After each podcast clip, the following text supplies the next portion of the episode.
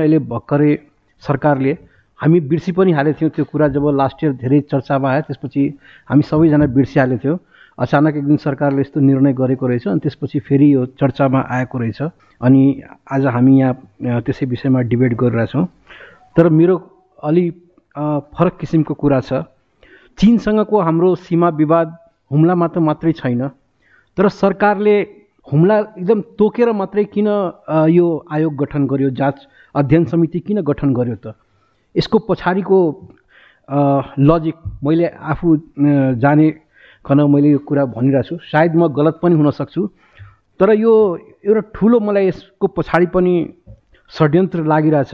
के सरकारले जानिकन चिनसँगको सीमा विवादलाई हुम्लामा मात्रै सीमित गर्न खोजेको त होइन भनेर। त्यसको टाइमिङ पनि हेर्नु हुम्ला यो चिनसँग सीमा विवाद कुन दिन उठाइयो त? अचानक। दार्चुलाको रिपोर्ट आइ ल्याइन्छ।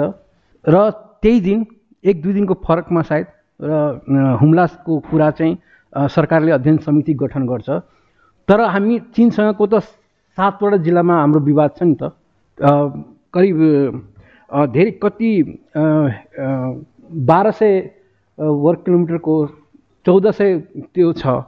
त्यति हुँदाहुँदै पनि सरकारले सरकारले यदि चिनसँगको साँच्चीकै सीमा विवाद समाधान गर्नु थियो भने उसले पुरै नेपाल र चिन दुवै को बिचमा जति सीमा विवाद छ सबैको बारेमा एकैचोटि गर्न सक्थ्यो।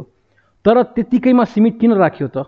के हामीलाई यो पछि गएर यो नेरेटिभ सेट गर्नको लागि कि चिनसँगको हाम्रो सीमा विवाद यहीँ मात्रै सीमित छ? किनभने जीवनबहादुर साईजी त्यहाँ पुग्नुभयो र उहाँले यो चाहिँ विवाद ल्याउनु भयो त्यही भएर यतिकैमा यतिकैमा यसलाई सीमित गरेर एउटा कुनै ठुलो यसको पछाडि त चलखेल छैन भन्ने मेरो एउटा त्यहाँ क्वेसन छ। किनभने अहिले लास्ट टाइम जब लास्ट इयर यो विवाद सुरु भयो थियो त्यतिकै बेला सिजिटिएनले जुन चाइनाको ग्लोबल टिभी नेटवर्क छ उसले चाहिँ एउटा अचानक एक दिन उसले के भन्छ माउन्ट एभरेस्ट हाम्रो भनेर उसले चाहिँ तुरुन्तै प्रचार गर्यो आफ्नो ट्विटर ह्यान्डलबाट सोसियल मिडियाबाट न्युजबाट अब चाइनाले त्यो खोलिदियो अब उताबाट हिमाल चढ्न सकिन्छ भनेर उसले चाहिँ त्यो सुरु गर्यो। नेपालमा त्यसको विरोध भयो धेरै। सोसियल मिडियामै धेरै विरोध भयो तर सरकारले एकपटक पनि केही भनेन। धेरै विरोध भएपछि सिजिटिएनले चाहिँ पछाडि चाहिँ होइन यो नेपाल र चाइना दुवैको हो। जबकि हामीलाई सबैले थाहा छ माउन्ट एभरेस्ट भनेको हाम्रो हो। सगरमाथा भनेको नेपालको भूभागमा पर्छ। तर नेपाल सरकारले त्यति बेला पनि र अरू मिडियाहरूले पनि धेरै यसमा यो विषयमा चाहिँ कुनै न आर्टिकल लेखियो मिडियामा न कुनै बहस गराइयो अरू केही कुरा गरेन जति कि हामी इन्डियासँग हुन बित्तिकै हामी एकदमै पछाडि पर्छौँ। पछा पछि के भयो भने यो पनि एकदमै सोचेर चाइनाले के भने ल नेपाल र चिन दुबईको हो। भनेपछि र नेपालले पनि त्यसलाई मानिहाल्यो र चिन नेपाल सरकारको त्यति बेलाको परराष्ट्र मन्त्री प्रदीप ग्यालीजीले के भनौँ हामी इन्टरभ्यू लिन जाँदाखेरि ल ठिकै छ चाइनाले अब मानिहाल्यो नि त नेपाल र चाइना दुबईको हो भनेर।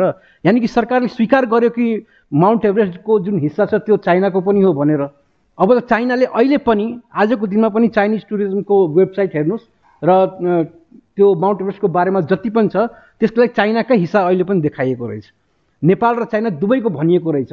भनेपछि एउटा अब आउने पिँढीलाई के यो अब पढाइन्छ भने यो सगरमाथा भनेको अब नेपालको मात्रै होइन नेपाल र चाइना दुवैको हो। यसबारेमा पनि हामीले बहस गर्नुपर्छ यसबारेमा पनि आवाज उठाउनुपर्छ। र सागरमाथा हाम्रै हो भनेर अघि नै अरुण सरले भन्नुभएको थियो नि कि त्यति बेला पनि चाइनाले स्वीकार गरेको थियो कि माउन्ट एभरेस्ट को जुन त्यो पिक छ त्यो नेपालको हिस्सा हो भनेर। सर सरकारलाई अहिले पनि हामी दबाब दिनुपर्छ कि यो खालि हुम्लामा मात्रै होइन यदि सुरुवात गरिएको छ भने यो राम्रो सुरुवात हो। यसलाई अरू जिल्लाहरूमा पनि नेपाल र चिनसँग जति पनि विवाद छ जस्तै भा भारत र नेपालको बिचमा जति विवाद छ त्यसको लागि भइरहन्छ जाँचहरू अध्ययन समितिहरू बनिरहन्छ त्यसको बारेमा कुराकानी डिप्लोमेटिक टक भइरहन्छ। त्यस्तै चिनसँगको पनि एकैचोटिमा जति सीमा विवाद छ जति जिल्लाहरूमा छ त्यसलाई गर्नुपर्छ। जस्तै गोर्खाको एउटा दुईवटा गाउँ सायद हामीले पनि यो कुरा बताएको थियो कि यो लेनदेनमा चाहिँ त्यो गोर्खाको जुन रुई र एउटा अर्को दुईवटा गाउँ चाहिँ उतापट्टि गइहाल्यो भनेर त्यति बेलाको सरकारले नै आधिकारिक रूपमा अनि यो लेनदेनको कुरा थियो यो गइहाल्यो। तर त्यहाँको जुन स्थानीय जनप्रतिनिधिहरू हुनुहुन्छ उहाँहरूले भन्नुहुन्छ होइन यो त चिनले लिएकै हो। त्यो पुरै गाउँको गाउँ नै लिइलिएछ भनेर। त्यसको के वास्तविकता हो त? के त्यसबारेमा सरकारले बोल्नुपर्छ कि पर्दैन भनेर? अर्को एकजना सीमाविद देशमा धेरै चर्चित छन् बुद्धिनारायण श्रेष्ठज्यू उहाँको एउटा पुस्तक छ हाम्रो नेपाल भने त्यसमा पनि उहाँले ले उहाँले पनि स्वीकार गर्नुभएछ। अब अहिले आएर उहाँले एकदम होइन केही सीमासँग चिनसँगको हाम्रो केही सीमा विवाद नै छैन भन्नुहुन्छ। तर त्यो पुस्तकमा उहाँले पनि लेख्नु भएको छ कि उत्तरसँग पनि हाम्रो थुप्रै विवादहरू छन् भनेर त्यति बेला उहाँले लेख्नु भएको थियो। इभेन कि उनले मान सरोवर विक्रमसम्म दुई हजार अठारसम्म नेपालकै हिस्सा हो भनेर पनि त्यसमा लेख्नु भएको रहेछ। र अहिले हामीले समा संरक्षण नगर्न सकेर त्यसलाई सम्हाल्न नसकेर हाम्रो धेरै भूभाग गयो र मानसरोवर पनि गइहाल्यो भनेर।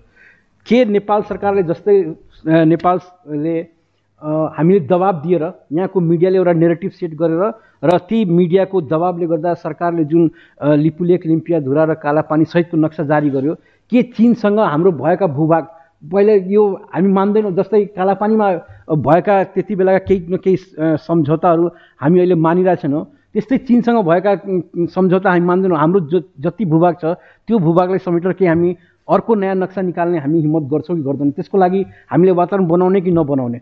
नेपालको म मिडियाको मान्छे भएर म के भन्छु भने नेपालको मिडिया एकदम दोहोरो चरित्रको यहाँ काम गर्छ नेपालको मिडियाले। र नेपालकै मिडियाले नेपाल सरकार चलाइरहेछ त्यस्तै हो। दार्चुलाको घटनामा पनि हामीले अहिले हेऱ्यौँ कसरी जबरजस्ती तयार नभएको रिपोर्टलाई सरकारलाई दबाब दिएर त्यसलाई सार्वजनिक गर्न लगाइयो। तर चिनको बारेमा सरकारले सीमा विवादको विषयमा अध्ययन समिति बनाउन बित्तिकै सम्पादकीय हरेक ठुलो मिडियामा सम्पादकीय लेखेको रहेछ। नेपाल नेपाल सरकारले हुँदै नभएको चिनसँगको सीमा विवाद निकालेर चिनसँगको सम्बन्ध बिगार्यो भनेर यस प्रकारको चाहिँ एउटा जुन दोहोरो चरित्र छ यो मिडियाको बारेमा पनि हामीले आवाज उठाउनुपर्छ कि यस्तो दोहोरो चरित्र हुनु हुँदैन। हाम्रो लागि उहाँले भन्नुभयो कि भारत र चिनसँगको त्यो समुदुरी र सन्तुलितवाला कुरा यहाँ हुँदै यो मानिनै हुँदैन यसलाई हामीले बदल्नु नै पर्छ। एउटा देखाउनको लागि आफूलाई राष्ट्रवाद देखाउनको लागि मात्रै हामी यो कुरा भनिरहन्छौँ। तर त्यो चाहिँ दुवै देशसँगको सम्बन्धको बारेमा तुलना हुनै सक्दैन। नयाँ किसिमले हामीले आफ्नो परराष्ट्र नीतिलाई चाहिँ अगाडि बढाउनै पर्छ त्यसमा बहस गर्नै पर्छ र जे वास्तविकता छ त्यो कुरालाई अगाडि ल्याउनै पर्छ। धन्यवाद।